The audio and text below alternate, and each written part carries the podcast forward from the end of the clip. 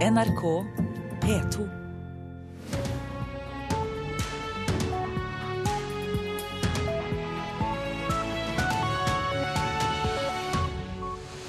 Og her får du Nyhetsmorgen i studio, Øystein Heggen. Straks eh, tar vi inn vår USA-korrespondent Tove Bjørgaas med mer om nattens seire for Trump og Clinton. Vi må støtte leger som sier nei til pasientene sine, sier helseprofessor. I dag samles Trøndelag til ett rike. Rikskonsertene bytter navn til Kulturtanken. Det høres ut som en gjødseltank, sier språkviter Sylfest Lomheim. Ja, Vi skal altså til nattens nominasjonsvalg i USA, der det ble nye seire til Hillary Clinton og Donald Trump. Og vi hørte jo at Trump sa i Dagsnytt at han gjør mer for kvinner enn Hillary Clinton, men han hadde mer å si i natt. We're going to have our country back. We're going to make America. And I just want to tell you, for the five states, I am so honored. This was, to me, our biggest night because it shows such diversity. Ja, vi skal ta landet tilbake og vi skal gjøre USA stort igjen, gjentok Trump. Han har vel sagt det noen ganger før. USA-korrespondent Tove Bjørgaas, hvordan ligger han an i jakten på 1237 delegater på landsmøtet som kan sikre nominasjon? Han ligger mye bedre an etter nattens valg enn det han gjorde tidligere. Han tok 99 delegater til, har nå 951, og mangler da altså bare eh, to ja, knappe 300 delegater for å klare dette. Og det kan han klare å få til i de valgene som er igjen. Mens Ted Cruz han har ikke en sjanse. Han vant ikke en eneste delegat i natt. Så de andre republikanske kandidatene er ute av den dansen om å få nok eh, delegater. Men hvordan er deres sjanser til fortsatt å spenne bein på Trump? Nei, da må han, Hvis han ikke klarer å få dette flertallet innen 7.6, da kan jo landsmøtet eh, ha kampvotering og stanse ham. Men selv den sjansen svinner nå, fordi han kommer til å komme veldig nær dette 1237-tallet. Eh, og, og, Han hadde altså så overbevisende seier i natt og ligger såpass bra an også i de kommende delstatene at det var en svært selvsikker Donald Trump som snakket i natt. Og I dag så skal han faktisk holde en stor tale om sin utenrikspolitikk, som er knyttet stor eh, spenning til. Eh, hvor Han skal, ja, han har uttalt seg i harde ordelag bl.a. om Nato tidligere. Så det blir mange som kommer til å følge med på hva han, hva han har å si rundt klokka seks norsk tid i ettermiddag. Og det ble fire av fem eh, seire til Hillary Clinton også. Hun eh, var vel også ganske selvsikker og tillot seg til og med å skryte av Bernie Sanders?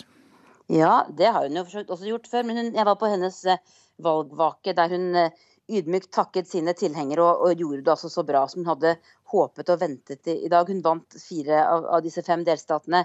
Bernie Sanders vant bare i lille Rhode Island. Og Clinton hun har nå eh, altså så mange delegater at det vil bli nærmest umulig for eh, Sanders å, å slå henne. Hun har 1600 54 delegater pluss 502 såkalte superdelegater, så 2153. Og hun mangler bare drøyt 200 delegater. Og det vil hun helt fint klare. Så, så her er det bare et tidsspørsmål før hun, fester, før hun altså får nok.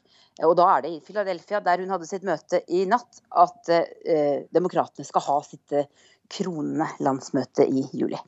Men eh, hva tror man at Bernie Sanders eh, gjør nå? Nei, Han er jo fortsatt med, og han har fortsatt penger. Og det som er veldig interessant, er at det kom en meningsmåling eh, som er tatt opp blant unge velgere eh, for to dager siden, som viser at han har hatt en enormt stor effekt i denne valgkampen. Velgere mellom 18 og 29 år her i USA er på kraftig vandring mot venstre. De elsker Bernie Sanders, men ikke nødvendigvis bare fordi han er Bernie Sanders, men fordi politikken hans er så langt mot venstre. Unge amerikanere er ikke redde for å kalle seg sosialister. Og denne meningsmålingen viser at at vi vil nok se et demokratisk parti som er nødt til å ta inn over seg at en stor del av deres velgergrupper etter hvert nå befinner seg mye lenger til venstre enn det man tidligere har sett. og Det er en spennende utvikling i USA. Når man, og når man da ser hva som skjer på den andre siden, eh, så er jo dette et land som blir stadig mer polarisert. Takk for at du følger med, oss, med for oss, USA-korrespondent Tove Bjørgaas. Vi har fått inn en melding om at det er streik blant bakkeansatte i Tyskland, og det fører til at SAS og Lufthansa har innstilt en rekke av sine avganger til Tyskland fram til i ettermiddag. Norwegian opplyser at de flyr som normalt til Berlin og Hamburg. Leger som sier nei til pasientene sine, bør få støtte. Det mener professor ved Institutt for samfunnsmedisin ved Universitetet i Tromsø, Helge Olav Helge Førde. Ifølge ham blir det for mange pasienter som blir sendt videre til unødvendige utredninger og behandlinger i helsevesenet. Det er et for høyt tendens til å eh, henvise, og eh, altfor mange ønsker seg henvisning. Sier professor Olav Helge Førde.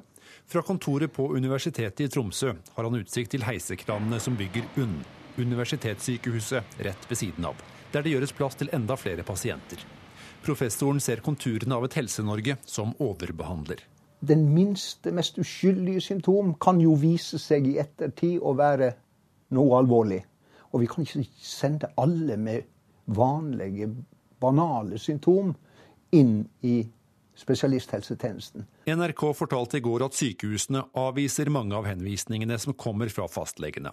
Tallene fra Norsk pasientregister er usikre, men de går ut på at spesialisthelsetjenesten i fjor avviste 550 henvisninger daglig. Det er nesten 13% av alle henvisningene. Men i Helsedirektoratet er ikke divisjonsdirektør Svein Lie enig i at fastlegene sender for mange pasienter videre. Så har vi all grunn til å tro at de aller fleste henvisningene er gode. Så det er avvikene som er diskusjonene.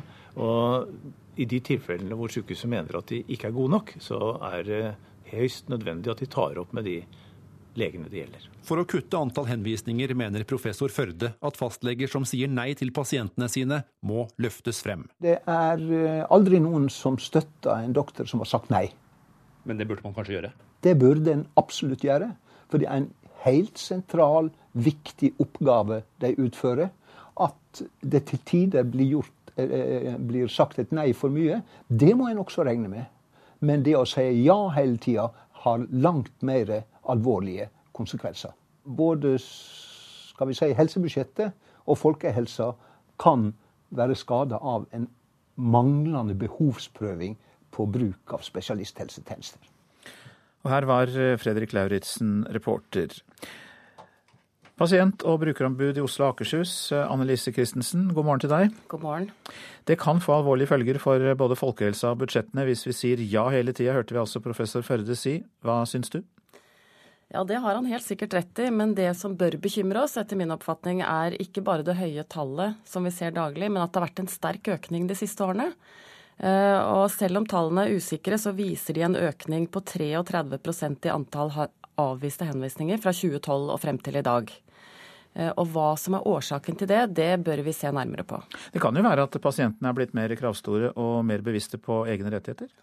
Ja, det kan det være. Men jeg tror også altså For det første så må vi forvente av en fastlege at de kan møte pasientene på en god måte og sikre seg at de får informasjon som gjør at de er trygge på at de får den hjelpen de skal, selv om det skjer i kommunen.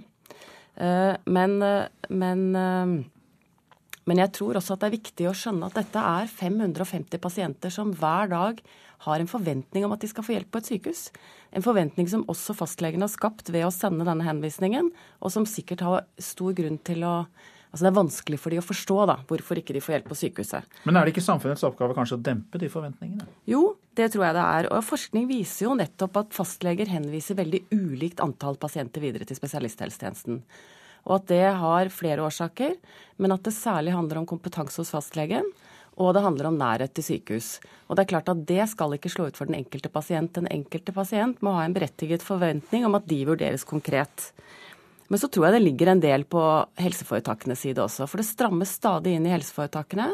Og vi har en regjering som er helt tydelig på at det ikke skal, fore, det skal ikke være noen fristbrudd på norske sykehus.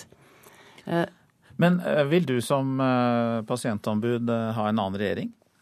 Nei, dette handler om langt mer enn en politikk. Det ja, for nå om... beveger du deg over på det politiske området. Ja, men de har vært så tydelige på Jeg tenker at dette handler om pasientrettigheter. Man skaper rettigheter for pasientene, og så tenker man at det er bare et gode. Men samtidig som man har gitt pasientene rett til å få en dato for når de skal få helsehjelp på sykehusene, så har man sagt at vi får ikke lov å bryte den fristen for noen pasienter.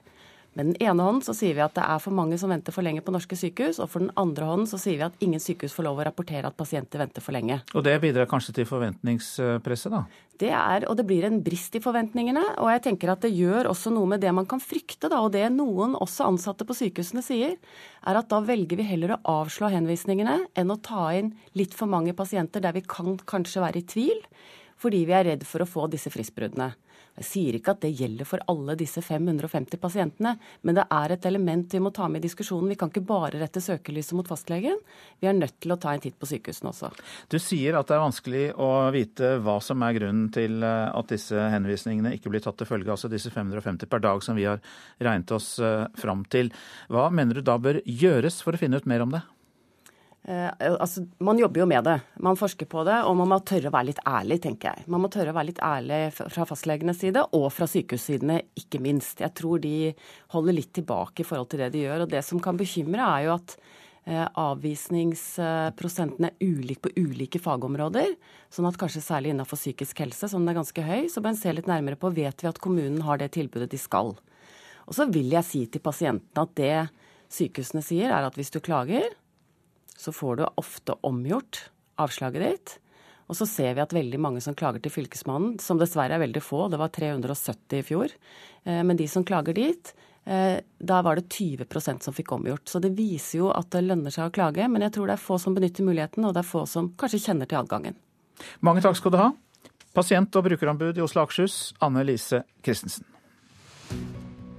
Så tar vi for oss det avisene er opptatt av. Snart tilbake for fullt, sier lillesøster Mari Maurstad om broren Toralv, som er rammet av slag. Dagbladet kan fortelle at den folkekjære 89 år gamle Toralv Maurstad allerede er i gang med opptrening, takket være god form og helse. Milliardærfamilien Høg med virksomhet i finans, eiendom og shipping har 20 postboksselskaper i skatteparadis, skriver Aftenposten. Det er største norske kunde hos advokatfirmaet Mossack Fonseca i Panama. Vi gjemmer oss ikke bort, svarer Leif O. Høeg, som, som bedyrer at de har betalt riktig skatt.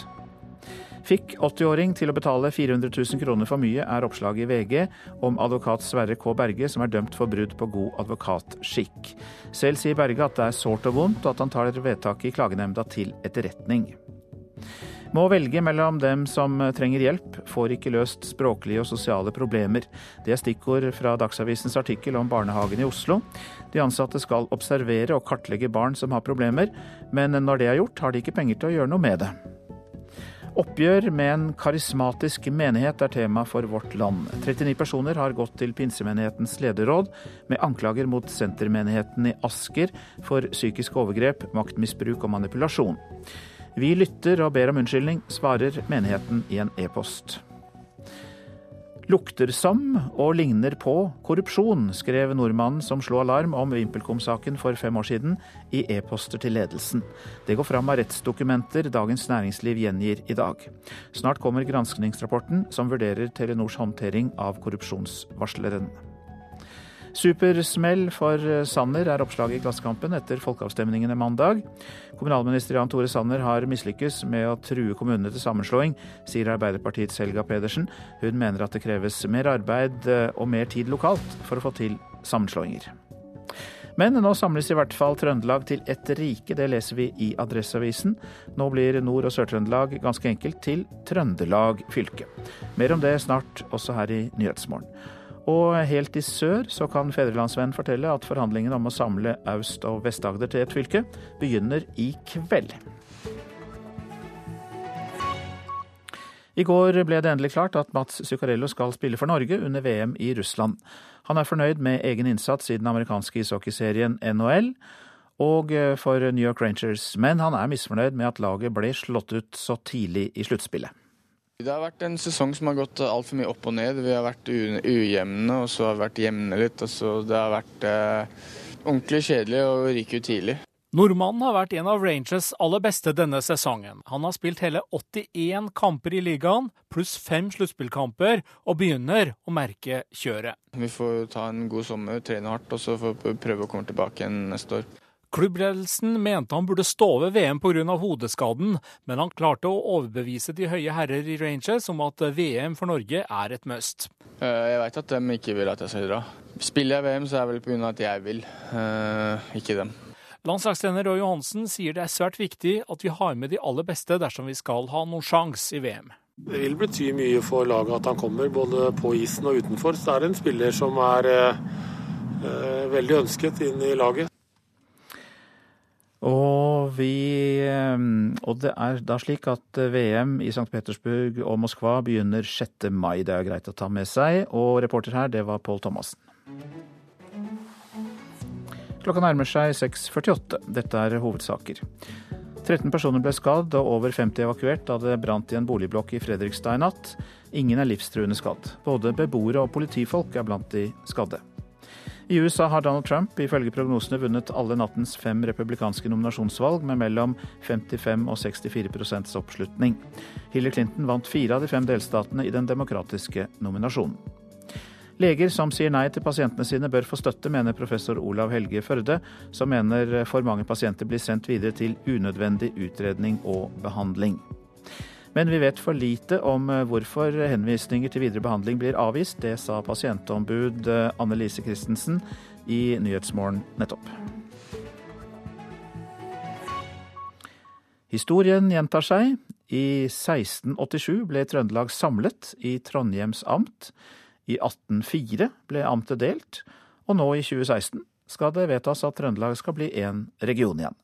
Det skjer på Stiklestad i dag, der fylkestingene i Nord- og Sør-Trøndelag samles til historisk møte.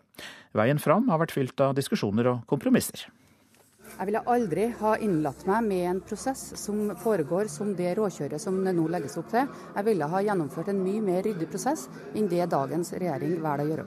Marit Arnstad og resten av Senterpartiet i Nord-Trøndelag er blant dem som har vært mest kritisk til planene om ett Trøndelag. Men motstanden har generelt vært en god del større i nordfylket enn i sør, hvor man egentlig ikke har engasjert seg så veldig i fylkessammenslåinga. For i nordfylket har man vært redd for hva som skjer både med arbeidsplasser og maktbalanse om man slår seg sammen med en region hvor man har storbyen Trondheim. Derfor, for å få Nord-Trøndelag med på lasset, så har man bl.a. blitt enig om at Fylkesmannen skal ligge på Steinkjer, og en delt fylkeskommunal løsning, hvor fylkesordfører og fylkespolitikere sitter i Trondheim, mens fylkesrådmann og resten av administrasjonen sitter i Steinkjer. Jeg syns det er fint. Jeg tenker at det må være med å trygge nordtrønderne på at vi både vil Steinkjer vel, og at vi vil hele regionen vel. Og det sa ordfører i Trondheim, Rita Ottervik, for noen uker siden om akkurat den løsninga. Men sjøl om man nå er blitt enig om å bli én, så er det fortsatt noen som er skeptisk til hvordan det her skal gå. Som politisk kommentator i Adresseavisen, Tone Sofie Aglen, forklarer. Jeg tror mange er bekymra, og det med rette, for at ting sakte, men sikkert vil sige mot Trondheim. Det er noe med disse tyngdelovene, så jeg tror nok at det, det kommer til å kreve ganske mye av partene å klare å få denne balanserte fordelinga mellom nord og sør, selv om man nå skal bli ett. Og det trodde politisk kommentator i Adresseavisen, Tone Sofie Aglen, reporter Jørgen Pettersen. Helse er igjen tema i Nyhetsmorgen, nå i Østfold. Pasienter med blodsykdommer og noen type kreft får utsatt behandling og kontroller ved Sykehuset Østfold. Grunnen er at to av fire overleger er sykemeldt. Klinikksjefen mener det ikke er noen krisesituasjon, og sier at det er satt inn tiltak. Men Ruth Skaie har beinmargskreft og er en av dem som merker problemene. Det er klart at det går jo utover min følelse av, av å, å være ivaretatt, da fra sykehusets side. For jeg tenker jo at det, det burde ligge hos dem, og ikke at jeg må mase meg fram til, til å få time og behandling der. Siden jeg har jo ikke så mye krefter lenger heller. Jeg har vært igjennom mange tøffe behandlinger i løpet av de åra jeg har vært syk. Hun har hatt benmargskreft siden 2009 og har vært gjennom to benmargstransplantasjoner men sykdommen utvikler seg videre. Den spiser på en måte opp skjelettet hennes. Forrige beskjed var at behandlingen skulle starte for tre måneder siden, men hun har ikke blitt innkalt. Lørdag fikk hun en kontrolltime hos legen på sykehuset Østfold Kalnes. Og da spurte jeg også om har du glemt meg helt, for det var det jeg følte. Ved Sykehuset Østfold er det en stadig strøm av folk inn og ut av resepsjonen. Klinikksjef for medisin Einar Glørsen sier at problemene som noen pasienter nå opplever, skyldes at to av fire overleger er sykmeldt ved seksjon for hematologi. Altså de som behandler pasienter med kreft og blodsykdommer. Det går utover pasientbehandlingen slik at pasienten opplever nok at timene blir utsatt med det ubehaget det har. Men jeg kan ikke tolke denne situasjonen som noen krisesituasjon. Glørsen sier de rokerer på leger internt på medisinsk klinikk og henter assistanse på kreftavdelingen. De har varslet Rikshospitalet og Radiumhospitalet slik at pasienter kan overføres dit.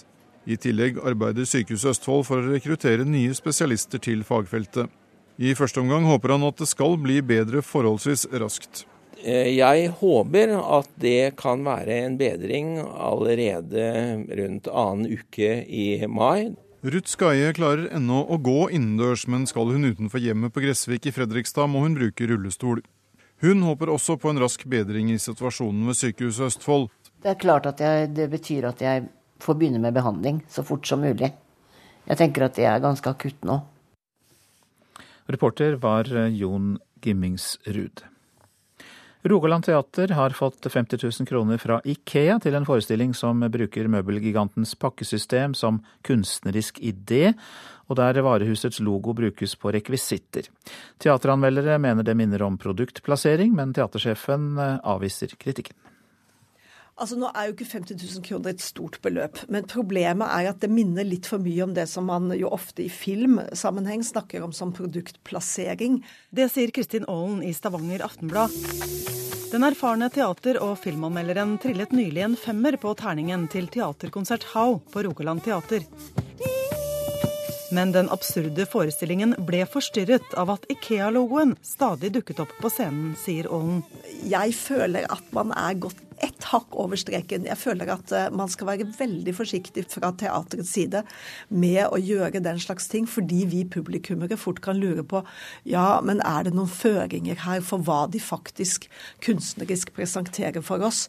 I vårens storsatsing på hovedscenen i Stavanger brukes Ikeas flatpakkekonsept som kunstnerisk idé. En teaterkonsert skal bygges, og skuespillere og instrumenter kommer ut av pappesker, flere merket med Ikea. Altså, Vi opplever det ikke uheldig, det er morsomt å se på. Sier teatersjef Arne Nøst.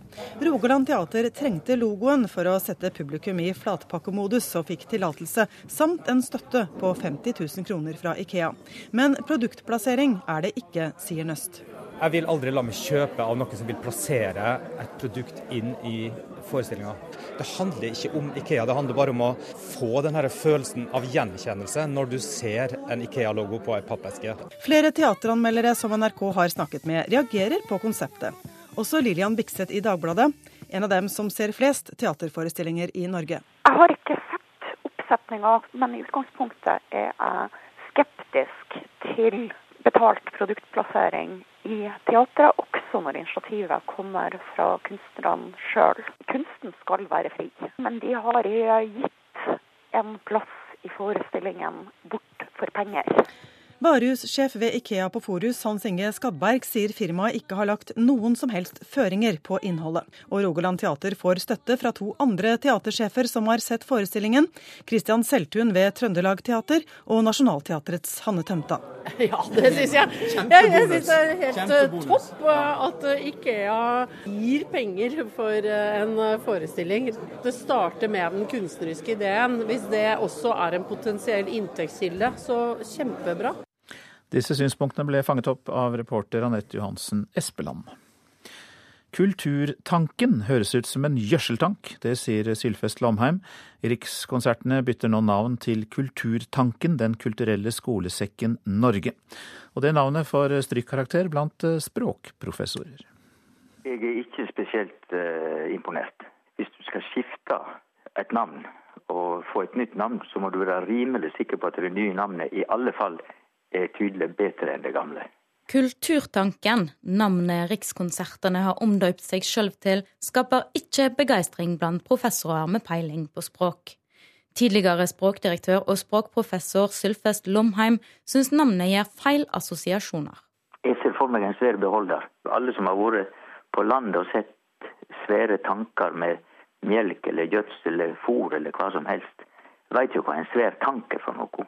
Medan professor i markedsføring Tor Andreassen syns navnet er for komplisert. Mm, prinsipielt fordi at det gir tanker i to forskjellige retninger, bare for å, leke med ordet. Det ene er liksom mot en idé, altså tanken som en idé, eller tanken som en beholder av ideer. og da tenker jeg på at tanker blir konservert og blir fort eh, gammeldagse. Og det er vel kanskje ikke det de, de hadde tenkt seg. Med disse hilsningsorda er Rikskonsertene åpna, og jeg ønsker lykke til. NRK var til stades da Rikskonsertene hadde åpningskonsert på Hammerfest skole i 1968.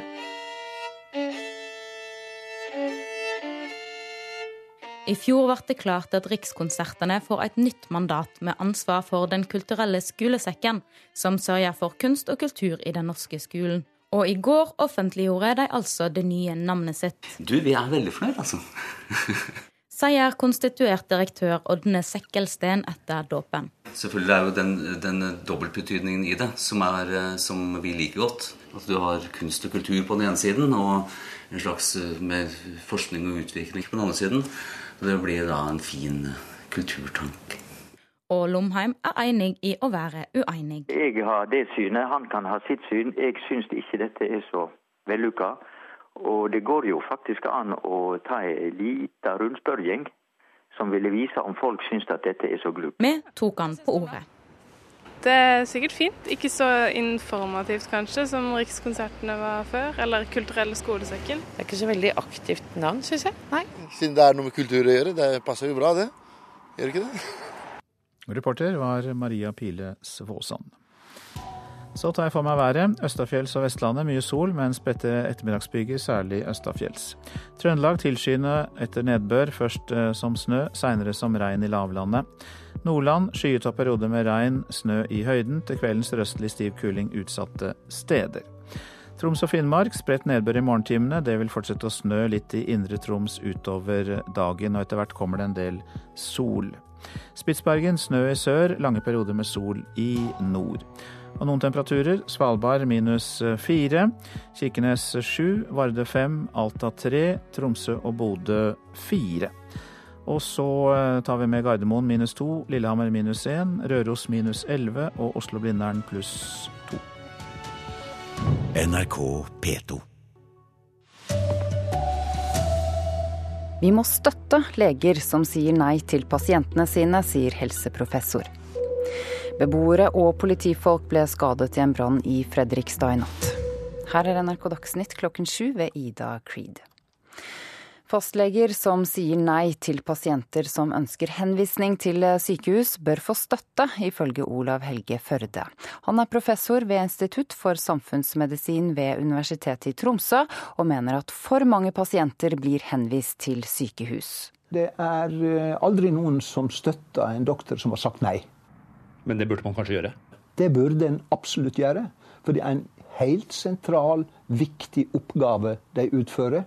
At det til tider blir, gjort, eh, blir sagt et nei for mye, det må en også regne med. Men det å si ja hele tida har langt mer alvorlige konsekvenser. Både skal vi si, helsebudsjettet og folkehelsa kan være skada av en manglende behovsprøving på bruk av spesialisthelsetjenester. Reporter Fredrik Lauritzen. I alt 13 personer ble skadet og over 50 evakuert i boligblokkbrannen i Fredrikstad i natt. Det var eh, både beboere og politifolk blant de skadede, sier operasjonsleder eh, Paul Horne. Det er eh, ni personer som har blitt sendt til Fredrikstad legevakt for sjekk. Eh, det er en blanding av eh, røykskader og eh, helsepåkjenninger i forbindelse med, med brann. I forbindelse med at det er en del eldre mennesker som bodde på stedet. En beboer er kjørt til akuttmottaket på sykehuset på Kalnes med brannskade. Ytterligere tre polititjenestemenn eh, er eh, også kjørt til eh, sykehuset. Påført røykskade i forbindelse med evakueringsarbeidet. Brannvesenet driver nå med etterslukking. 17 personer har blitt husløse. Det er ennå ikke kjent hvor store skader blokken har fått. Alle beboerne i omkringliggende mm, bygninger har nå fått flytte hjem igjen, og ingen er altså livstruende skadet. Ansatte ved barnehager i Oslo må velge mellom dem som trenger hjelp. Det forteller flere barnehagelærere og tillitsvalgte avisen Dagsavisen har snakket med. De sier at ressursene til barnehagene er kraftig redusert de siste årene. Barnehagene på Grünerløkka f.eks. har bare fått penger til å tilrettelegge for halvparten av de 28 barna de har søkt om hjelp til.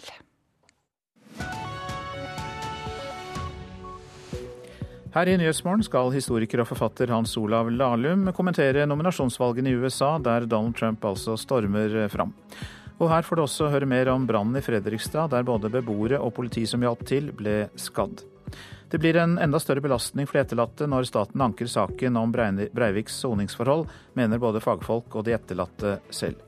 Og vi skal høre om en eh, merkverdig kommunesammenslåing av to kommuner som ikke grenser til hverandre. Ja, som vi hørte i Dagsnytt, Donald Trump knuste konkurrentene i nattens fem nominasjonsvalg i USA, og Hillary Clinton gjorde det også svært bra. Stadig mer peker mot at det er de to som blir høstens presidentkandidater, og Trump sa i natt at han ser på seg selv som partiets sannsynlige kandidat. Jeg er så beæret, og dette er min største kveld så langt i valgkampen, sier Donald Trump. Han knuste konkurrentene i alle de fem delstatene der det var valg i natt, og vant med opptil 40 prosentpoeng flere steder. Trump sikret seg 99 nye delegater, mens hovedrival Ted Cruz ikke fikk en eneste. Dermed kan valgkampen mot Hillary Clinton nesten begynne på ordentlig. Hun er en kjeltring. Jeg kaller henne kjeltringen Hillary, sa Trump på sin frittalende pressekonferanse i New York i natt. Yes, i Philadelphia løfter Delores Brooks håndflaten i været til high five når jeg passerer henne.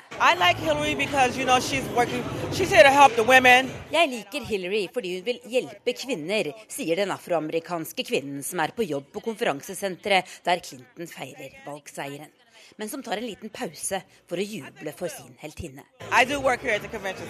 What, what can she help you with? Um, I think Hillary can, you know, just like help with more jobs. Um, you know, uh, with the. Hun vil skape arbeidsplasser og få orden på abortsituasjonen her i landet, mener Brooks. tomorrow where hard work is honored, families are supported, streets are safe and communities are strong, and where love trumps fra scenen lover Clinton å bygge broer og la kjærlighet trumfe hat om hun blir president. I natt festet hun grepet om nominasjonen ved å slå Bernie Sanders i fire av de fem delstatene der det var valg. Og det er nettopp her i Philadelphia demokratene skal krone sin presidentkandidat til sommeren. Men både før og etter det skal det kjempes. This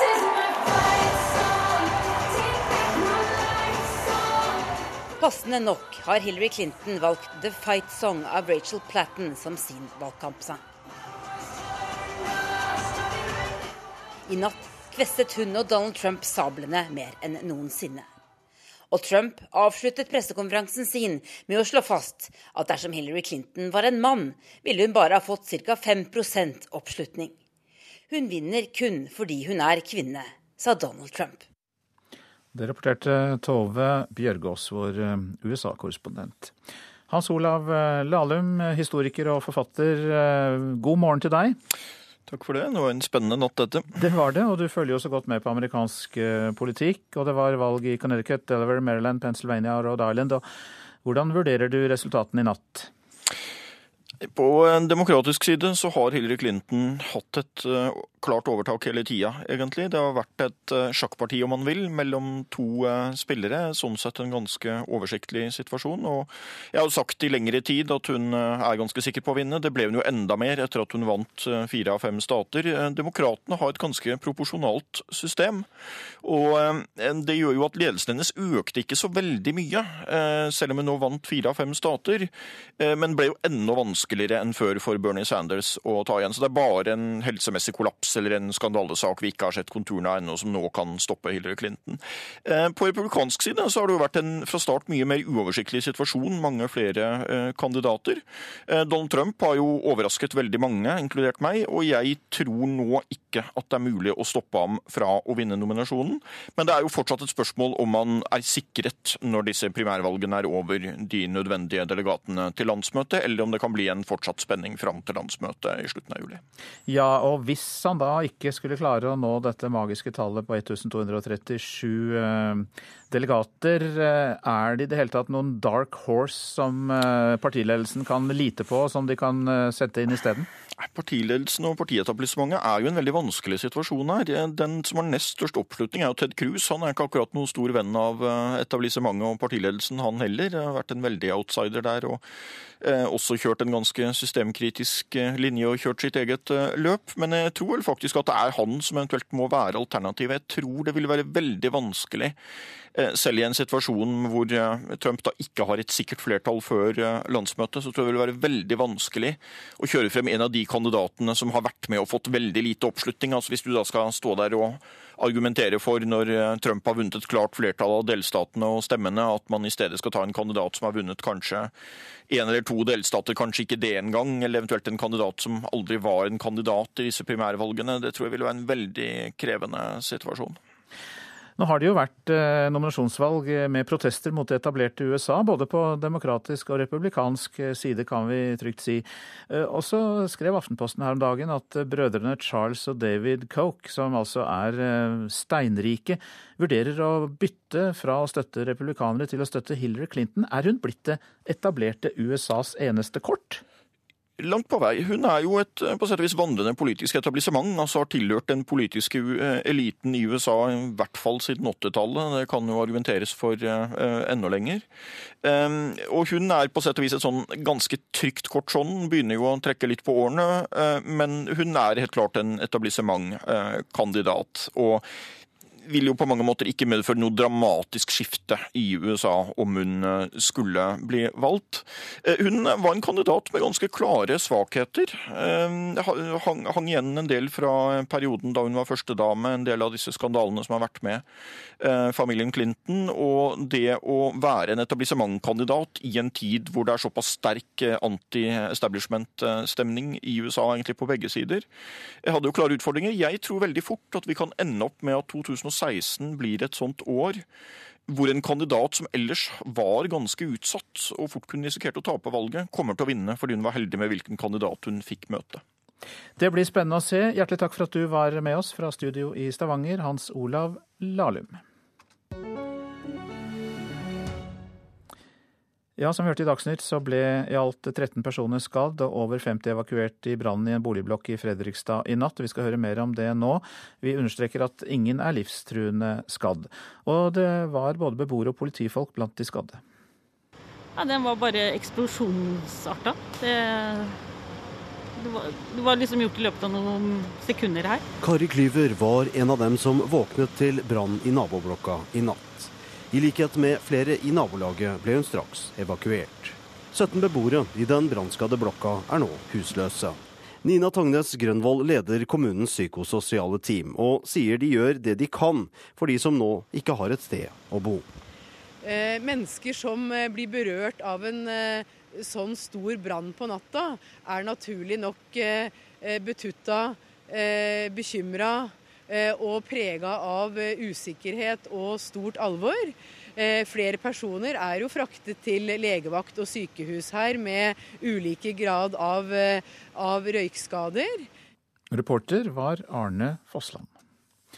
Statens anke av saken om soningsforholdene til Anders Behring Breivik vil gi større belastninger for de berørte etter 22.07-angrepene. Det sier både fagfolk og de etterlatte.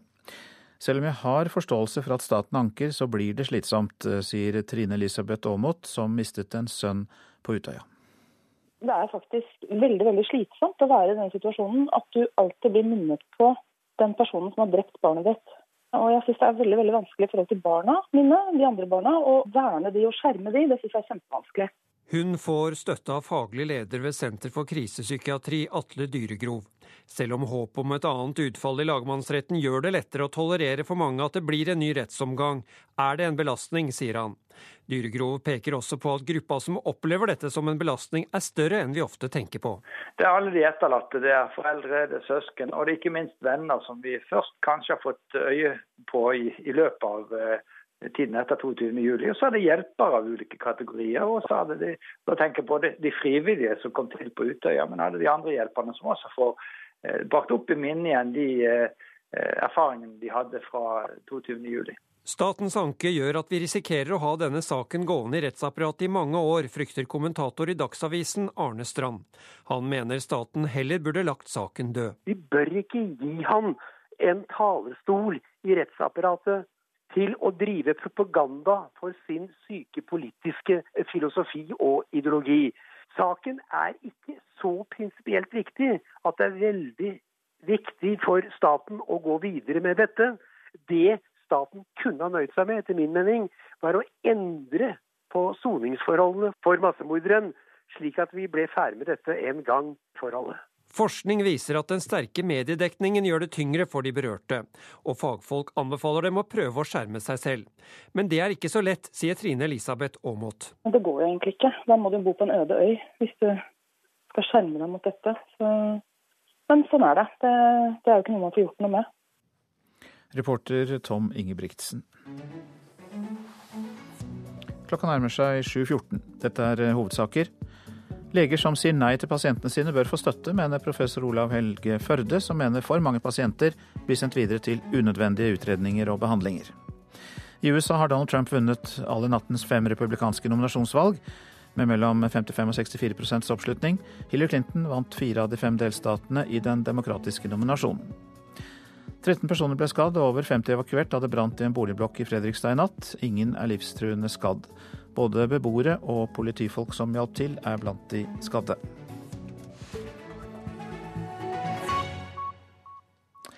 I Sverige har sikkerhetstjenesten SEPO verken bekreftet eller avkreftet informasjonen om at eh, sju til åtte IS-medlemmer skal ha kommet til landet for å utføre et terrorangrep, slik avisen Ekspressen meldte i går. Informasjonen skal ha kommet fra den irakiske sikkerhetstjenesten. Reporter Marit Kolberg, du er i eh, Stockholm. Og vet man i det hele tatt noe mer om eh, de påståtte truslene? Det siste som blir eh, meldt her nå, er at irakiske sikkerhetskilder skal ha fortalt den amerikanske nyhetskanalen NBC at det var den irakiske regjeringen som advarte Sverige om en mulig terrortrussel. Og så har svenske aviser også lest på Facebook-siden til den amerikanske ambassaden her i Sverige. Der har de skrevet at de bekrefter at svensk politi etterforsker en terrortrussel mot Stockholm. Og det har jo ikke politiet offisielt villet bekrefte. De har bare sagt at de etterforsker opplysninger om en mulig trussel, ikke hva slags trussel dette er. Men eh, noen aviser tolker altså dette som ambassaden skriver som en slags bekreftelse da på gårsdagens eh, opplysninger. I intervjuer i går så sa jo tals, en talsmann for SEPO, altså sikkerhetstjenesten, at det var bare rykter. Han sa vel egentlig ikke så mye om det de jobbet med, naturlig nok. Men eh, var det bare basert på spekulasjoner og rykter? Vet man noe mer om det i dag? Det er ikke kommet noen flere offisielle bekreftelser på dette, noe mer enn denne fra Facebook som jeg viser til.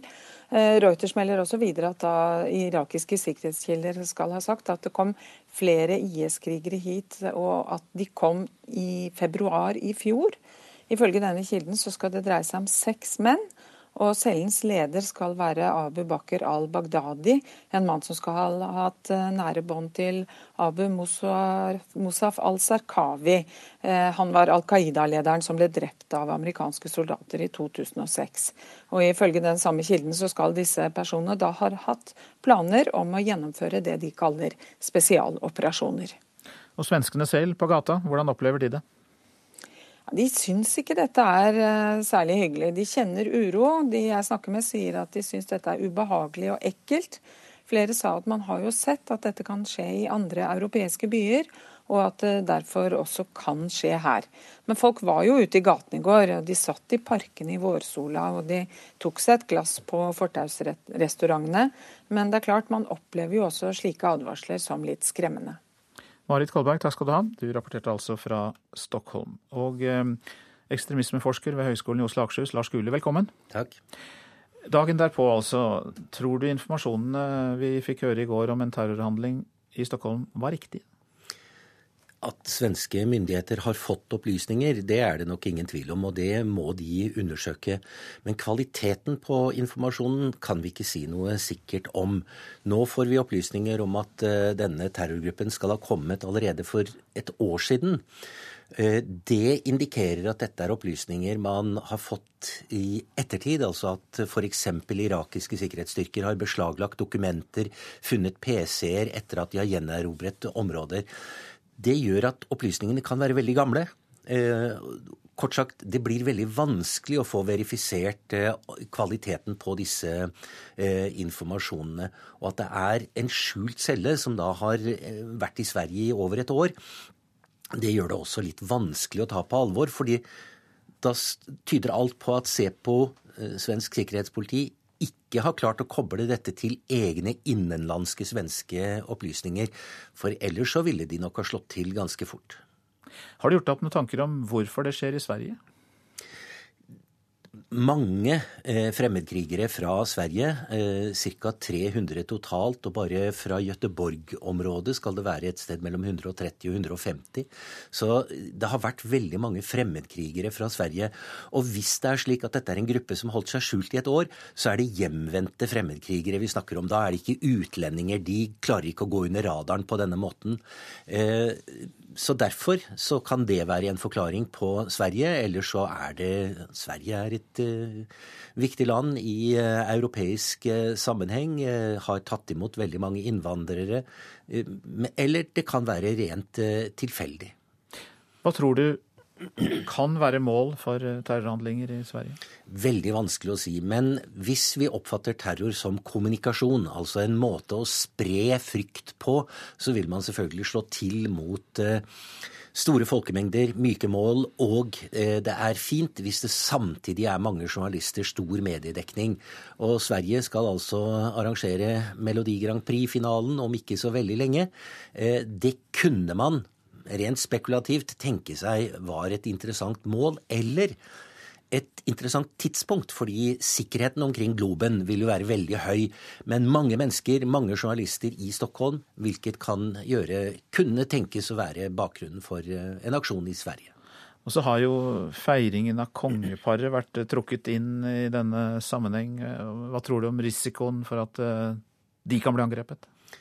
Veldig beskjeden. Sikkerheten omkring eh, slike begivenheter er veldig stor, og den er mer tilbaketrukken. Det er heller ikke så stor mediedekning, eller en mer spesialisert mediedekning. Og jeg tror ikke man har sittet i Syria, Irak og tenkt på den svenske kongens 70-årsdag når man har planlagt terroraksjoner i, eh, i eh, Europa. Du beskrev situasjonen i Sverige nettopp. Hvordan vurderer du risikoen for forbindelser hit til Norge? Hvis dette dreier seg om hjemvendte fremmedkrigere, så kan de ha kommet tilbake via f.eks. København eller Oslo, eh, nettopp for å skjule at de har vært i eh, Syria, i Irak. På den måten kan man tenke seg at eh, det er visse forgreininger.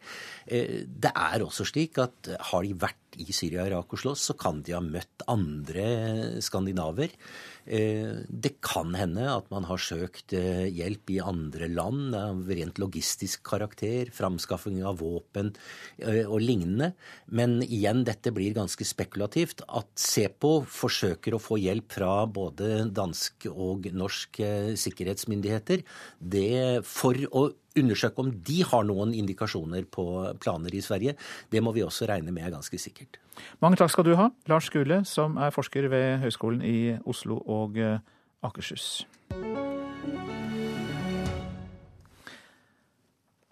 På kysten så står mange arbeidere i fiskeforedlingsindustrien uten inntekt utenfor sesongen, etter at Nav sluttet å gi dem dagpenger. Og nå føler de seg lurt. De eh, tror at det hele må ha vært en feil. Altså Fisken kommer jo inn der oppe, og så går han da på bandene etter størrelsen. Han blir jo sortert etter størrelse. Da. Vi er på Pelagia fiskefabrikk i Måløy, men i fabrikkhallen er det ingen fisk og ingen arbeidere. De har jo tatt ned bandene og alt ser du her. Der er jo ikke produksjon. Utenfor sesongen er nemlig fabrikken stengt og arbeiderne permitterte. Da går de vanligvis på dagpenger ifra Nav, men i år har Nav brått kutta disse pengene. Det samme skjer nå mange andre steder langs kysten. Og arbeiderne Anita Tvendesæter og Karin Fjære sier at det for mange er en katastrofe. Her er ektefeller som jobber her, som eh, begge to har mista inntektene sine. Her er jo enslige òg med små unger som ikke har inntekter. Plutselig så sier det jo bare stopp. Hva, hva skal du gjøre?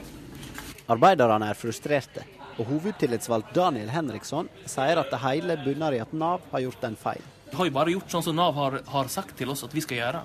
Eh, og det har jo fungert tidligere, har jo det ikke vært noe problem.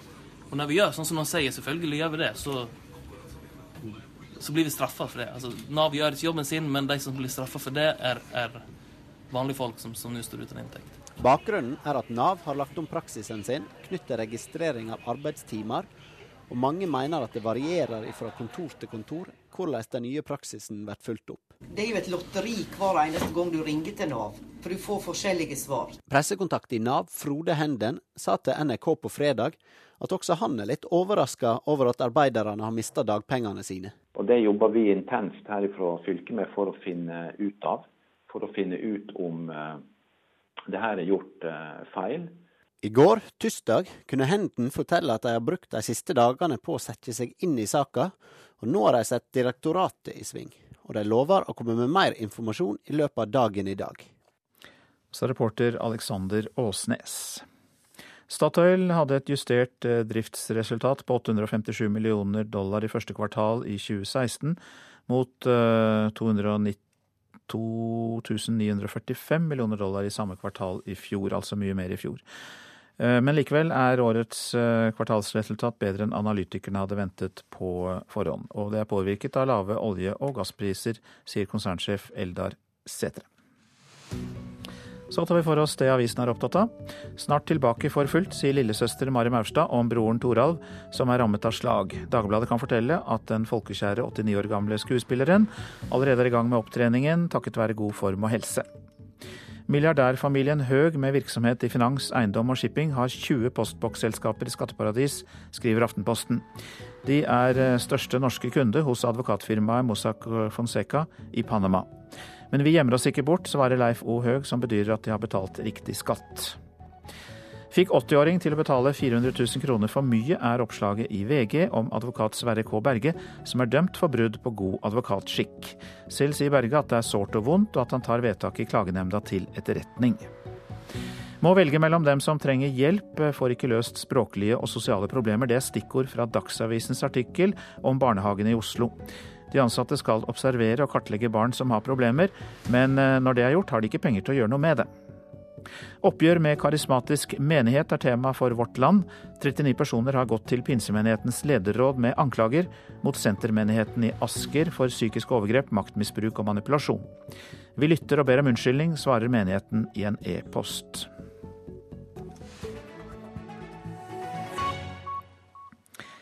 I dag undertegner kommunene Ullensaker og Hurdal en intensjonsavtale om kommunesammenslåing. Dette til tross for at de to eh, kommunene ikke har felles eh, grense. Men det er ikke noe i veien for eh, sammenslåing likevel, ifølge Kommunaldepartementet. Nei, det virker jo i utgangspunktet kanskje litt rart, men jeg tror det kan dra med flere tilliggende kommuner. Er du for eller mot?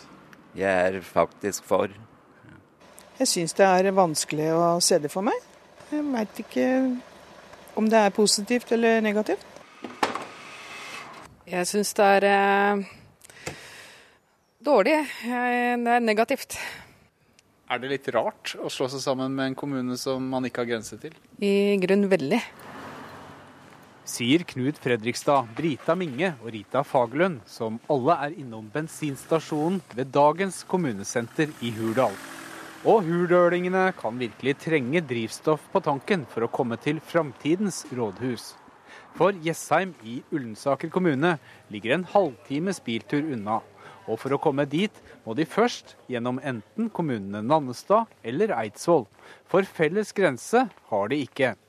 Ja, det kan kanskje synes rart. Og det er jo ikke så mange andre som, som jobber med en intensjonsavtale med, hvor en ikke har grenser. Men vi syns at det har vært eh, det naturlige valget når eh, de andre kommunene på øvrig ikke ønsker å jobbe for en felleskommune. Sier venstreordfører Runar Baalsrud i landlige Hurdal med drøyt 2500 innbyggere. På forhånd har de to kommunene fått bekreftet fra Kommunal- og moderniseringsdepartementet at det ikke er formelle hindringer i veien for den grenseløse sammenslåingen. Og i dag skal intensjonsavtalen signeres av ordførerne i de to kommunene, før avtalen etter hvert skal legges ut til eh, folkeavstemning. Men hva sier ordføreren i kommunen som ligger imellom de to? Nei, Vi lover å ikke sette opp noe bom. Ik ikke noe straffetoll heller skal det bli. Men, eh, men, det er klart det er en underlig konstellasjon. Altså, resten av Norge så går man jo den veien at man eh, kobler sammen i kommuner som ligger inntil hverandre. og her er da prosjektet annerledes, og det får vi bare ta til etterretning. Sier Ap-ordfører Hans Tue i Nannestad. Sjøl har han ikke noe ønske om å bli med i storkommunen, en holdning han deler med flere av kollegene på Øvre Romerike. Noen har spekulert i om det mulige giftermålet mellom Ullensaker og Hurdal er ment å framprovosere en tvungen sammenslåing av kommunene imellom de to kommunene. Men det benekter Hurdal-ordføreren. Nei, det er det ikke. Det vi har sett, er jo at, eh, at eh, vi må se på de behovene og ønskene og hvordan vi kan videreføre vårt lokalsamfunn eh, inn i framtida. Og, og, da har vi sett at ved å samkjøre vår kommune med Ullensaker kommune, så tror vi at det kan bli en god kommune. Reporter her var Dag Åsdalen. Produsent for Nyhetsmorgen Ulf Tannes Fjell. I studio Øystein Heggen. To journalister som nektet å drive propaganda, kan ha reddet mange liv under et av de blodigste slagene under første verdenskrig. Hør mer i reportasjen etter Dagsnytt. Så har vi satt av noen sekunder til deg, Håvard Grønli, for vi vil nemlig vite hva som skal skje i Politisk kvarter. Det brygger opp til aksjoner mot den nye fraværsgrensa i videregående skole. SV tar saka opp i Stortinget. Lederen i Sosialistisk Ungdom møter Høyre i Politisk kvarter. Og hvordan svarer innvandringsminister Listhaug på utfordringene fra FNs høgkommissær for flyktninger som kom i går? Det hører du der. Politisk kvarter om et kvarter.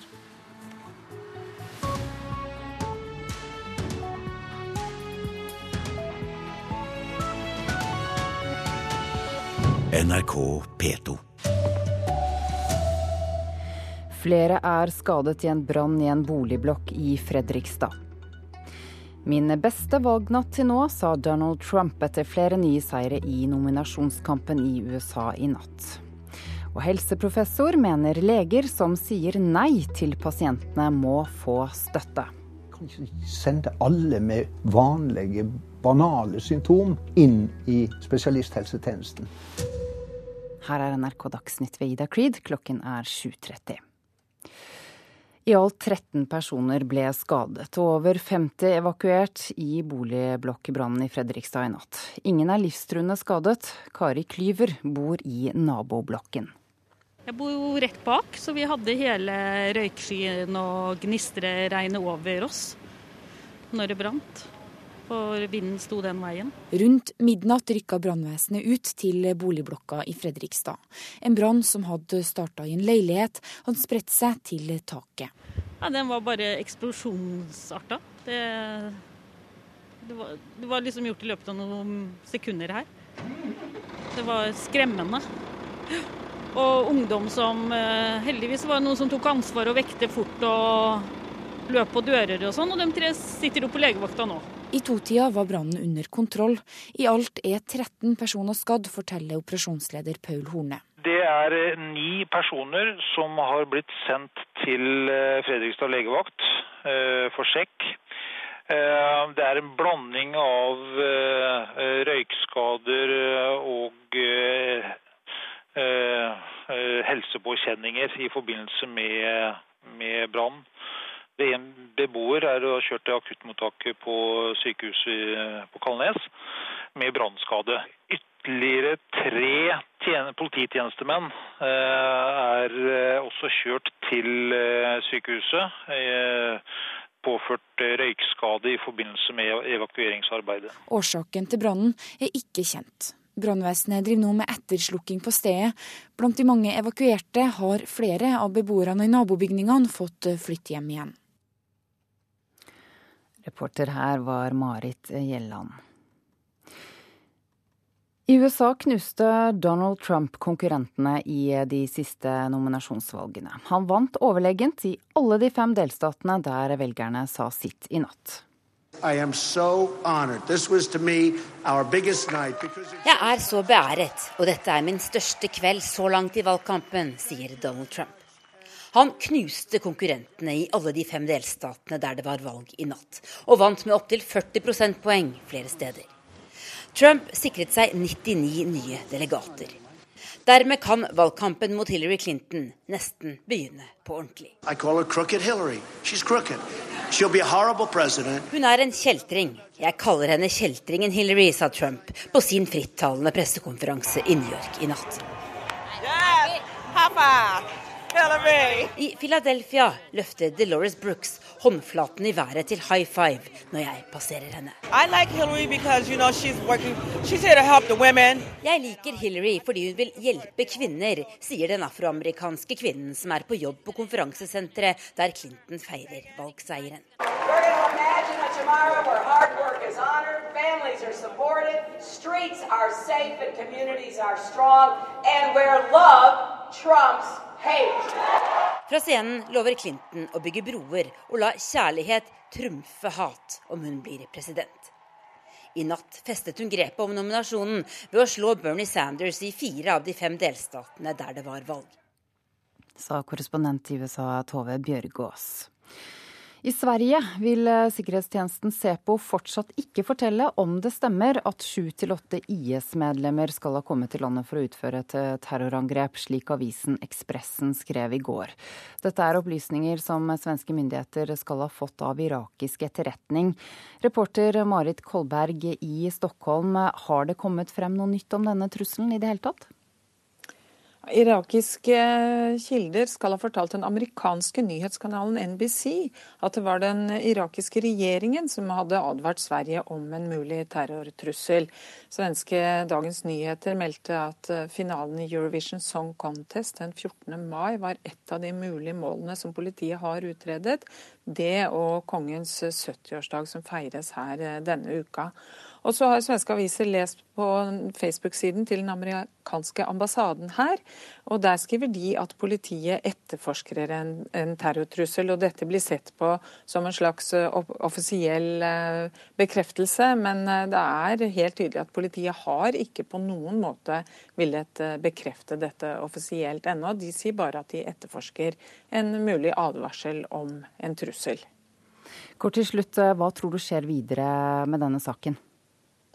Nei, De leter videre, politiet nå, med de opplysningene de får, og gjør eh, sine undersøkelser.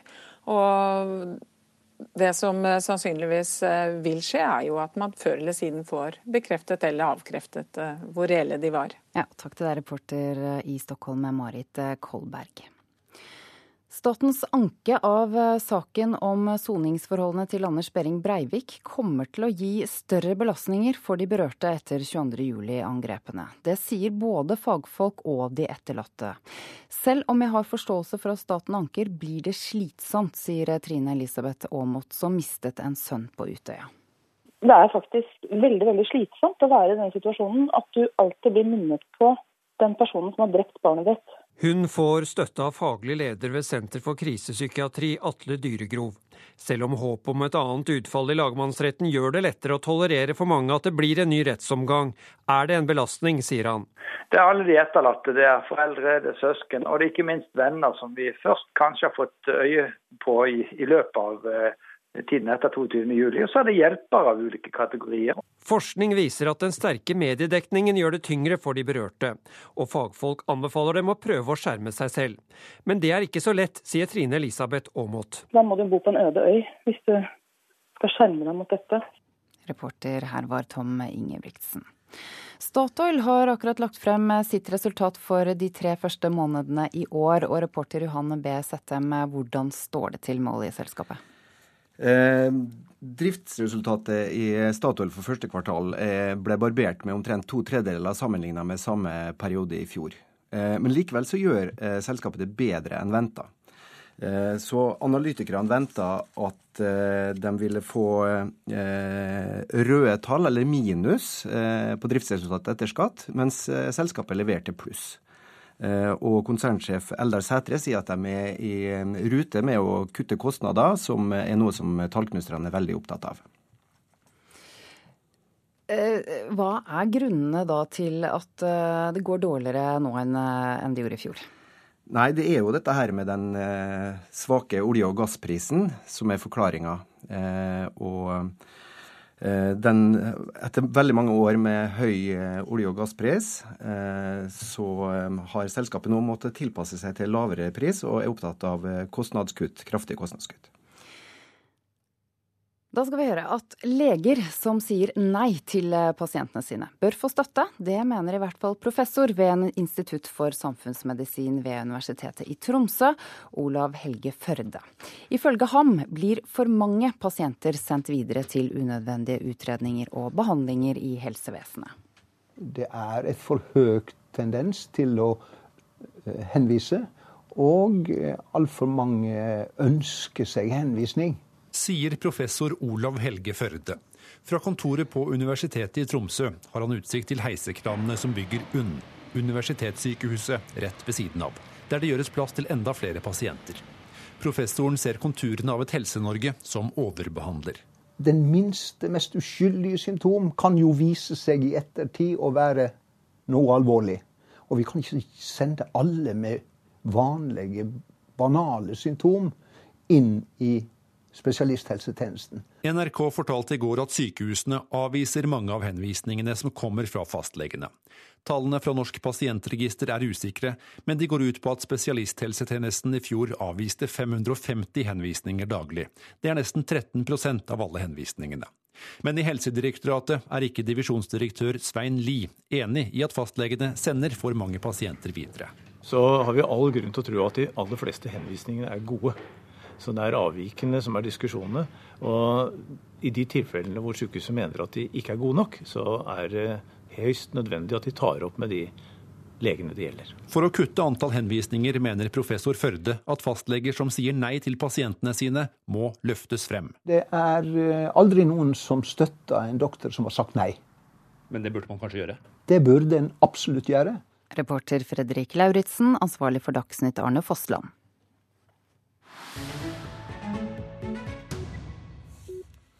Dette er eh, Nyhetsmorgen. Mandag ble et av første verdenskrigs blodigste slag minnet med sekkepiper og store ord. Felttoget på den tyrkiske halvøya Gallipoli endte med en ydmykende retrett, og sentralt i historien står journalister som nektet å formidle propaganda. Sissel Wold har laget denne reportasjen. En enslig sekkepipespiller i kilt ved daggry. Han står ved Anzac Cove på den tyrkiske halvøya Gallipoli. Menn i uniform bærer frem kranser med hvite og gule blomster for å hedre soldatene som døde her for 100 år siden. Slagmarken ved Gallipoli er stenket av blod. Men hva var det godt for? It is a story of brave men who fought in a foreign land for our values, our freedoms, dette er historien om modige menn som kjempet i fremmede land for våre verdier, vår frihet og suverenitet, sier Dan Tehan, Australias minister for veteransaker. Men de fremmøtte i Ansak-bukten vet at mange betalte med livet fordi de hadde generaler som ikke dugde. Den som kontrollerer Gallipoli-halvøya, kontrollerer Dardanellene, stredet som fører inn til Marmarahavet og Istanbul. Planen bak britenes angrep på det osmanske riket under første verdenskrig var å åpne en ny front. Vestfronten var som frosset i skyttergravskrig, og marineminister Winston Churchill ville både ha en ny front og få direkte adgang til Tsar-Russland, som var en alliert. Med trommer minnes de døde på Ansak-dagen 25. april, datoen da troppene ble satt i land. Mer enn 130 000 kom aldri hjem fra Gallipoli. En tredel av dem var franske, britiske, australske og newzealandske soldater. De ligger gravlagt på de 31 kirkegårdene på den tyrkiske halvøya. Hva gikk så galt? Siden de britiskledede styrkene var forsinket, fikk tyrkerne god tid til å forberede seg på angrep. Britenes tap ble store.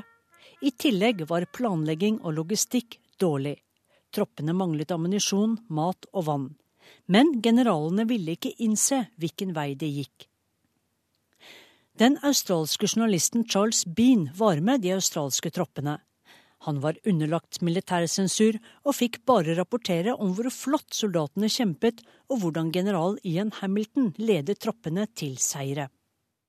Men verken Bean eller hans britiske kollega Ellis Amshed Bartlett ville sende hjem ren propaganda for å holde moralen oppe. De så selv hvor galt alt gikk der de vasset i lik i skyttergravene. Charles Bean skrev i dagboken sin den britiske nasjon har ikke vett til å føre krig. Den er mye bedre til å produsere sokker, og jeg bare nevner at vinterklærne våre ennå ikke er ankommet. Amshed Bartlett sendte et brev til den britiske statsministeren der han dømte felttoget nord og ned.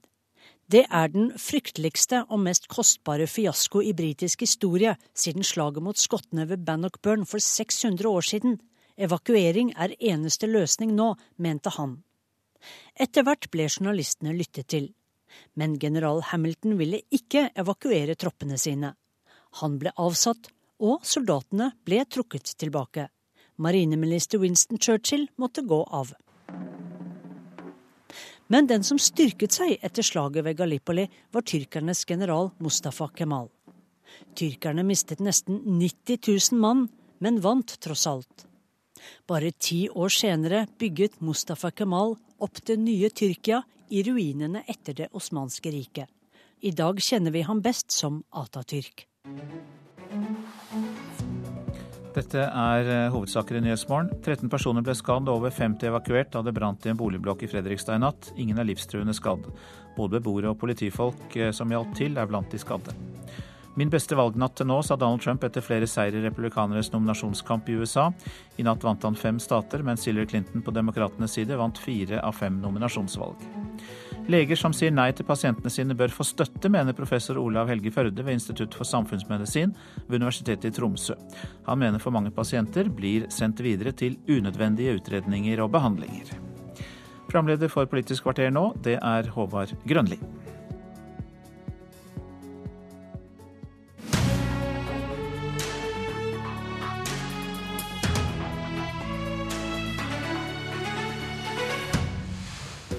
Trenger vi de nasjonale fraværsgrensene i videregående skole? SV utfordrer Høyre.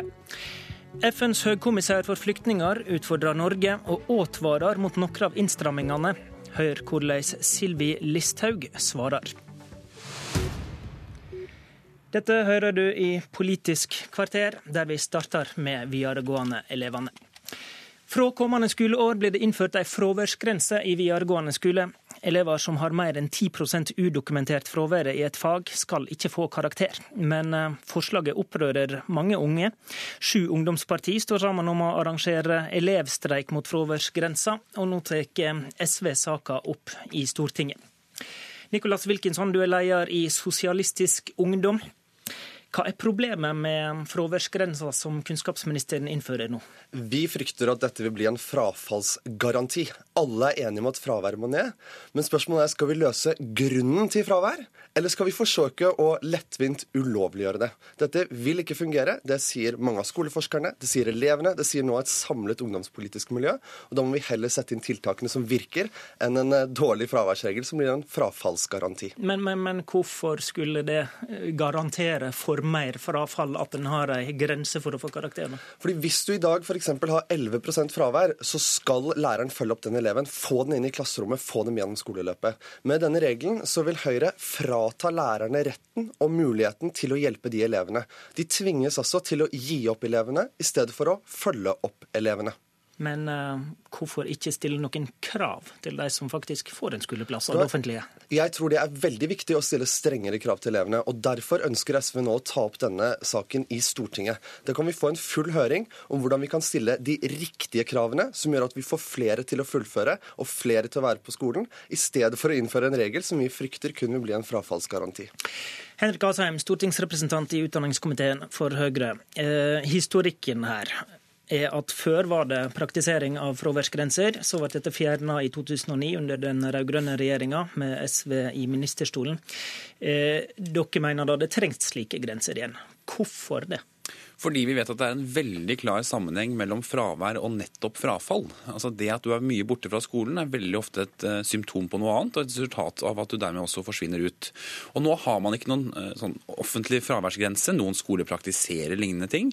Men det betyr at uh, skolen i utgangspunktet ikke har noe med hvor du er. Hvis du ikke møter opp på skolen, så er det på en måte ditt valg. Og så lenge du står på prøver og innleveringer og er nok til stede til å få karakter, ja, så er det på en måte nok. Og det tror vi ikke er godt nok. Men er ikke det greit, da? Dette er jo ungdom som kan ta ansvar for eh, hva de sjøl skal lære. Ja, og dette her er jo litt i tråd med den tanken man har hatt i norsk skole som man kalte for ansvar for egen læring. Og det er en modell som fungerer veldig bra for ressurssterke elever som lærer godt på egen hånd. Men det er ikke en modell som fungerer godt for de som allerede sliter.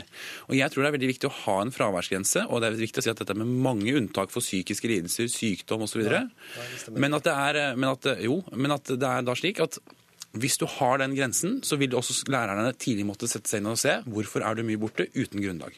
Ja, Dette stemmer ikke. og det er fordi at Hvis du har en, en lapp fra legen om at du er psykisk syk, ja, da telles det som gyldig fravær. Problemet er at om du får et angstanfall, hva skal du gjøre da? Som en ung jente sendte melding til kunnskapsministeren. Skal jeg filme meg selv? Altså, det, vi, det, det vi står i fare for å få nå, det er at vi kan få en kø av influensasyke ungdommer til legekontoret for at de skal få en lapp så de kan tilfredsstille Høyres dokumentasjonskrav. Vi må stille krav til elevene at de er på skolen, men ikke gjennom en papirmølle som dette vil bli. Men dette er ikke riktig. Det er altså sånn at Du både kan enten ringe til fastlegen helt riktig, eller du kan bruke helsesøstertjenesten, som vi har styrket med flere hundre millioner siden dere satt i regjering. Eller de kan etterkomme etterankomme med det de måtte trenge av dokumentasjon. Så det er ikke riktig. Dette handler ikke om å ramme elever som sliter eller som er syke, men det handler om å si at hvis du ikke møter opp på skolen, så har det en konsekvens. Elevene i norsk videregående skole de har en rett til å gå på skolen, men de har ikke en plikt til å gjøre det. De har 190 skoledager, og så har de 155 fridager. Og det, 165 fridager, unnskyld. Og det betyr at da er det faktisk eh, også slik at du innenfor den eh, tiden må møte opp på skolen. Og hvis du ikke møter opp på skolen og ikke har en god grunn til å ikke møte opp på skolen, så skal det få en konsekvens. Har du en god grunn, så skal skolen vite om det og ta konsekvensen av det ved å følge det opp på en bedre måte. Men det skal ikke så mye til for å miste karakter, da? Asheim, eh, er du borte en dag med dobbelttime, da, så kan du kanskje ryke i et fag? Så er det slik at Hvis du er mye borte i starten av skoleåret, for eksempel, så kan du jo hente deg inn. Men opplæringsloven sier allerede i dag at du kan eh, miste retten til å få uh, halvårsvurdering eller karakter hvis du er mye borte. Problemet er at det er ingen klare regler for hva mye borte er.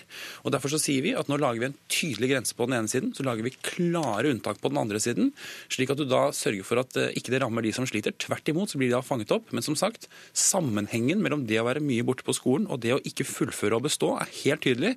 Og Derfor så ønsker jo også lærerne nå en forsøk i tre år med nettopp fraværsgrense. Mm. Eh, hvilken sånne, eh, vil tilbake litt til historikken her. Eh, som kjent så var det praktisert fraværsgrense før den var fjerna av SV, mm. men ble ikke nettopp problemet med det Kristin Halvorsen da gjorde, at hver enkelt lærer måtte ta denne kampen i sitt eh, klasserom uten å ha noen sanksjoner? Altså Det vi gjorde, var jo nettopp å gi læreren makt i eget klasserom. Vi ga læreren autoriteten til selv å bestemme når man må bruke fraværsgrense. Men, det, men, jo, men, men, er det makta over dette? Dette norske lærere ber om? Er ikke det mer eh, undervisning, fag og metodefridom som er viktig for norske lærere? Det er også viktig. Men det som er viktig, altså det vi er enige om her, det er at det skal være en fraværsgrense. Du skal kunne stryke et fag om du har for mye udokumentert frafall. Det er vi enige om. Forskjellen her er at kunnskapsministeren vil sette én fast, rigid grense fra Oslo som skal gjelde for alle. men, sa, men hvor vil dere sette den grensa, da? Ja, vi mener jo at læreren selv bør ha rom til dette. Men så vil jo, altså jeg er villig til å se på Da blir det jo store forskjeller. Da har du ikke for en nei, nei, jo, men dette er viktig å si. For vi er villige til å se på dette, men da må du ha en åpen høring der du faktisk lytter til de som blir berørt av dette. Og så sier Henrik Asheim og Høyre her at du kan gå til helsesøsteren din. Og jeg snakka faktisk med en helsesøster i går på en skole som var ganske sjokkert over det regjeringen nå gjør. For hun har fått et direktiv fra utdanningsmyndighetene om at hun skal skrive ut slike lapper. Helsemyndighetene har ikke gitt henne noe beskjed. Hun aner ikke hvordan hun skal jobbe med dette. Hun er ikke kvalifisert til det. Så vi har nå altså fagpersonell i den norske skolen som Høyre gir beskjeder gjennom nyhetene for hvordan de skal operere, uten at de får ordentlig kunnskap om hvordan det skal fungere. Dette er helt tydelig sendt ut også fra direktoratet. og, og altså, Hun kan gjøre det, og det er veldig viktig nettopp fordi det gjør det lett å kunne få den egenmeldingen hvis du er noe galt. Men så bare tilbake til dette med lærerne. for Du sier at du er for en fraværsgrense, og den grensen skal hver lærer praktisere selv. Da er du mot en fraværsgrense. Fordi Det er hele poenget med å ha en sånn grense. Og Hva er grunnen til at lærerne har oppgitt to ting? Da dere fjernet fraværsgrensen, så oppga lærerne fraværet gikk opp. Det ubegrunnede fraværet gikk opp. Og Det andre de sier nå, er at de ønsker et forsøk i tre år med en nasjonal fraværsgrense. De har sagt 15% vi har sagt 10% OK.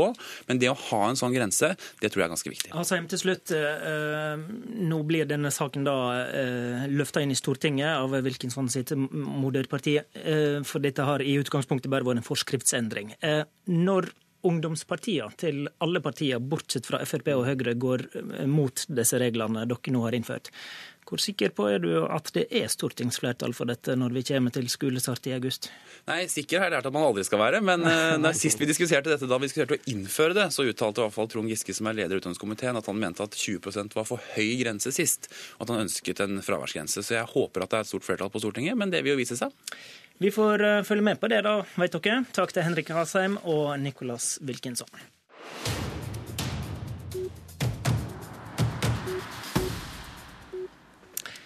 Inn døra til Politisk kvarter kommer Sylvi Listhaug. Da FNs høykommissær for flyktninger Filippo Grandi ble intervjua i programmet Torp i går kveld, ga han Norge noen tydelige oppfordringer. Dette er synspunkt du har hørt fra hans munn da han var på besøk i forrige uke, Listhaug, ikke sant? Det stemmer, og vi hadde et veldig godt møte. Vi skal eh, høre litt av hva han sa konkret, men helt overordna aller først. Når du får innspill fra FNs høykommissær om norsk politikkutforming, er det synspunkt som du mener har eh, autoritet? Ja da, og det er klart at vi tar det ad notam. Samtidig er det sånn at vi som er politikere i Norge har et ansvar for å føre en bærekraftig asyl- og innvandringspolitikk. Det betyr at vi skal føre en politikk som skal stå seg i mange år framover. Og både sikre den norske velferdsmodellen, men også sikre god integrering. Og vi ser nå fra vårt naboland Sverige hvor viktig det er at vi har kontroll på tilstrømminga for å lykkes med integreringa. Der har det utvikla seg parallellsamfunn. Der er det flere områder politiet ikke tør gå inn i alene. Vi venter litt med eh, de detaljene. Jeg vil bare vite generelt hvor, eh, hvor, mye du lytter til han, men det gjør du da, eh, har vi hørt deg si nå. Nå skal vi høre litt om det han sa om familiegjenforening.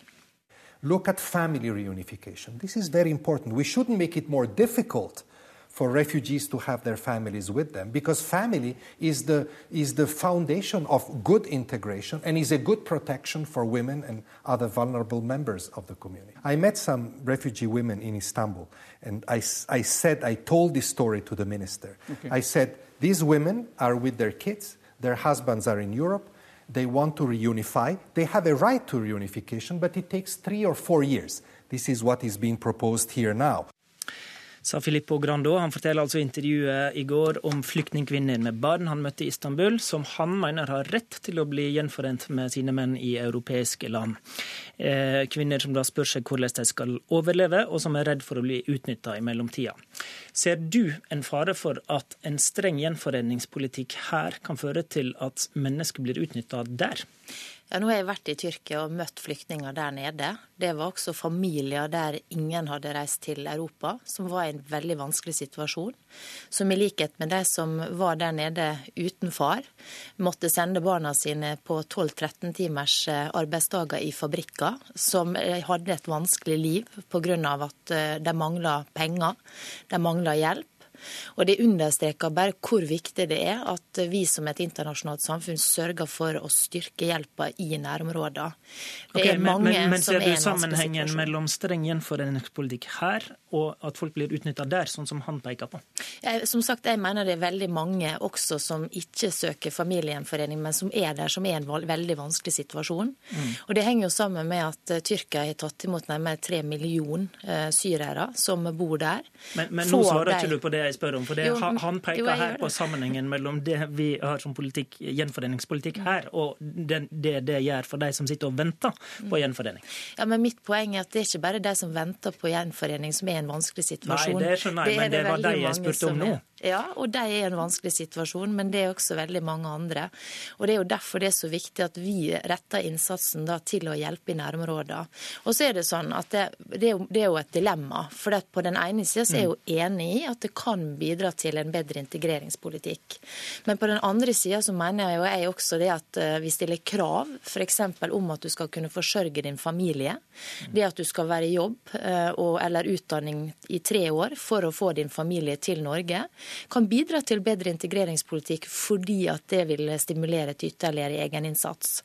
Slik at det som er viktig for oss når vi fremmer disse forslagene, som skal være midlertidige i tre år, så er det for å begrense tilstrømminga til Norge. Og Det henger sammen med at familiegjenforening står for en betydelig del av den innvandringa som er til Norge. Grandi peker i dette intervjuet veldig på dette med å tenke på familie som et kraftig integreringsverktøy. Eh, og, og, og, mener at det kan hemme integrering å gå og vente på familien sin. Hvordan ser Du du er jo for så vidt inne på dilemmaet, men hvordan ser du på det synspunktet? da? Ja, For noen så kan det kanskje virke på den måten, men for andre så kan det virke motsatt. Nemlig ved at det gir ekstra inspirasjon til å stå på, ekstra motivasjon. Fordi så, man vet da, at eh, dersom man oppfylle kravene dersom man kan forsørge familien. Dersom man har vært i jobb eller utdanning de siste tre åra, så får man hente familien. Så du tror den effekten er mest positiv, da? At, at en må stå på og vente? Jeg har jo veldig tro på det med å stille krav. Jeg mener det å ta folk på alvor, og jeg mener at det er urimelig at det norske samfunnet skal finansiere det at du henter familien din hit. Det må vi kunne forvente at den enkelte kan gjøre sjøl dersom de ønsker familiegjenforening. Hvorfor får ikke asylsøkere i Norge løyve til å arbeide, spør Grandi eh, i går. Hva svarte du eh, til han når han tok opp dette? Det er jo et spørsmål som vi skal vurdere i integreringsmeldinga. Men det er et veldig viktig forhold når det gjelder arbeidstillatelse. Og det er at vi må vite hvem de som vi skal slippe inn i det norske arbeidsmarkedet er. Det handler om sikkerhet, og det er jo noe av det mest grunnleggende at vi får oversikt over hvilken identitet de som kommer til Norge har. Og da er det sånn i dag at eh, dersom man kjenner identiteten eh, og man er gjennomført asylintervju, så kan man få arbeidstillatelse. Derfor er det jo viktig da at den enkelte bidrar til eh, å bekrefte og legge fram papir på, i den grad man har mulighet til det, hvilken identitet man har. Og vi vet jo det at veldig mange kommer uten Det må være et absolutt krav for å gjøre også de, også de enkleste jobber? Det må være et absolutt krav. Vi må vite hvem som er i Norge, og hvem vi slipper inn i det norske arbeidsmarkedet. Det mener jeg er veldig vesentlig. Og det har med sikkerhet å gjøre. Takk for at du kom til Politisk kvarter. Sylvi Listhaug. I studio i dag satt Håvard Grønli.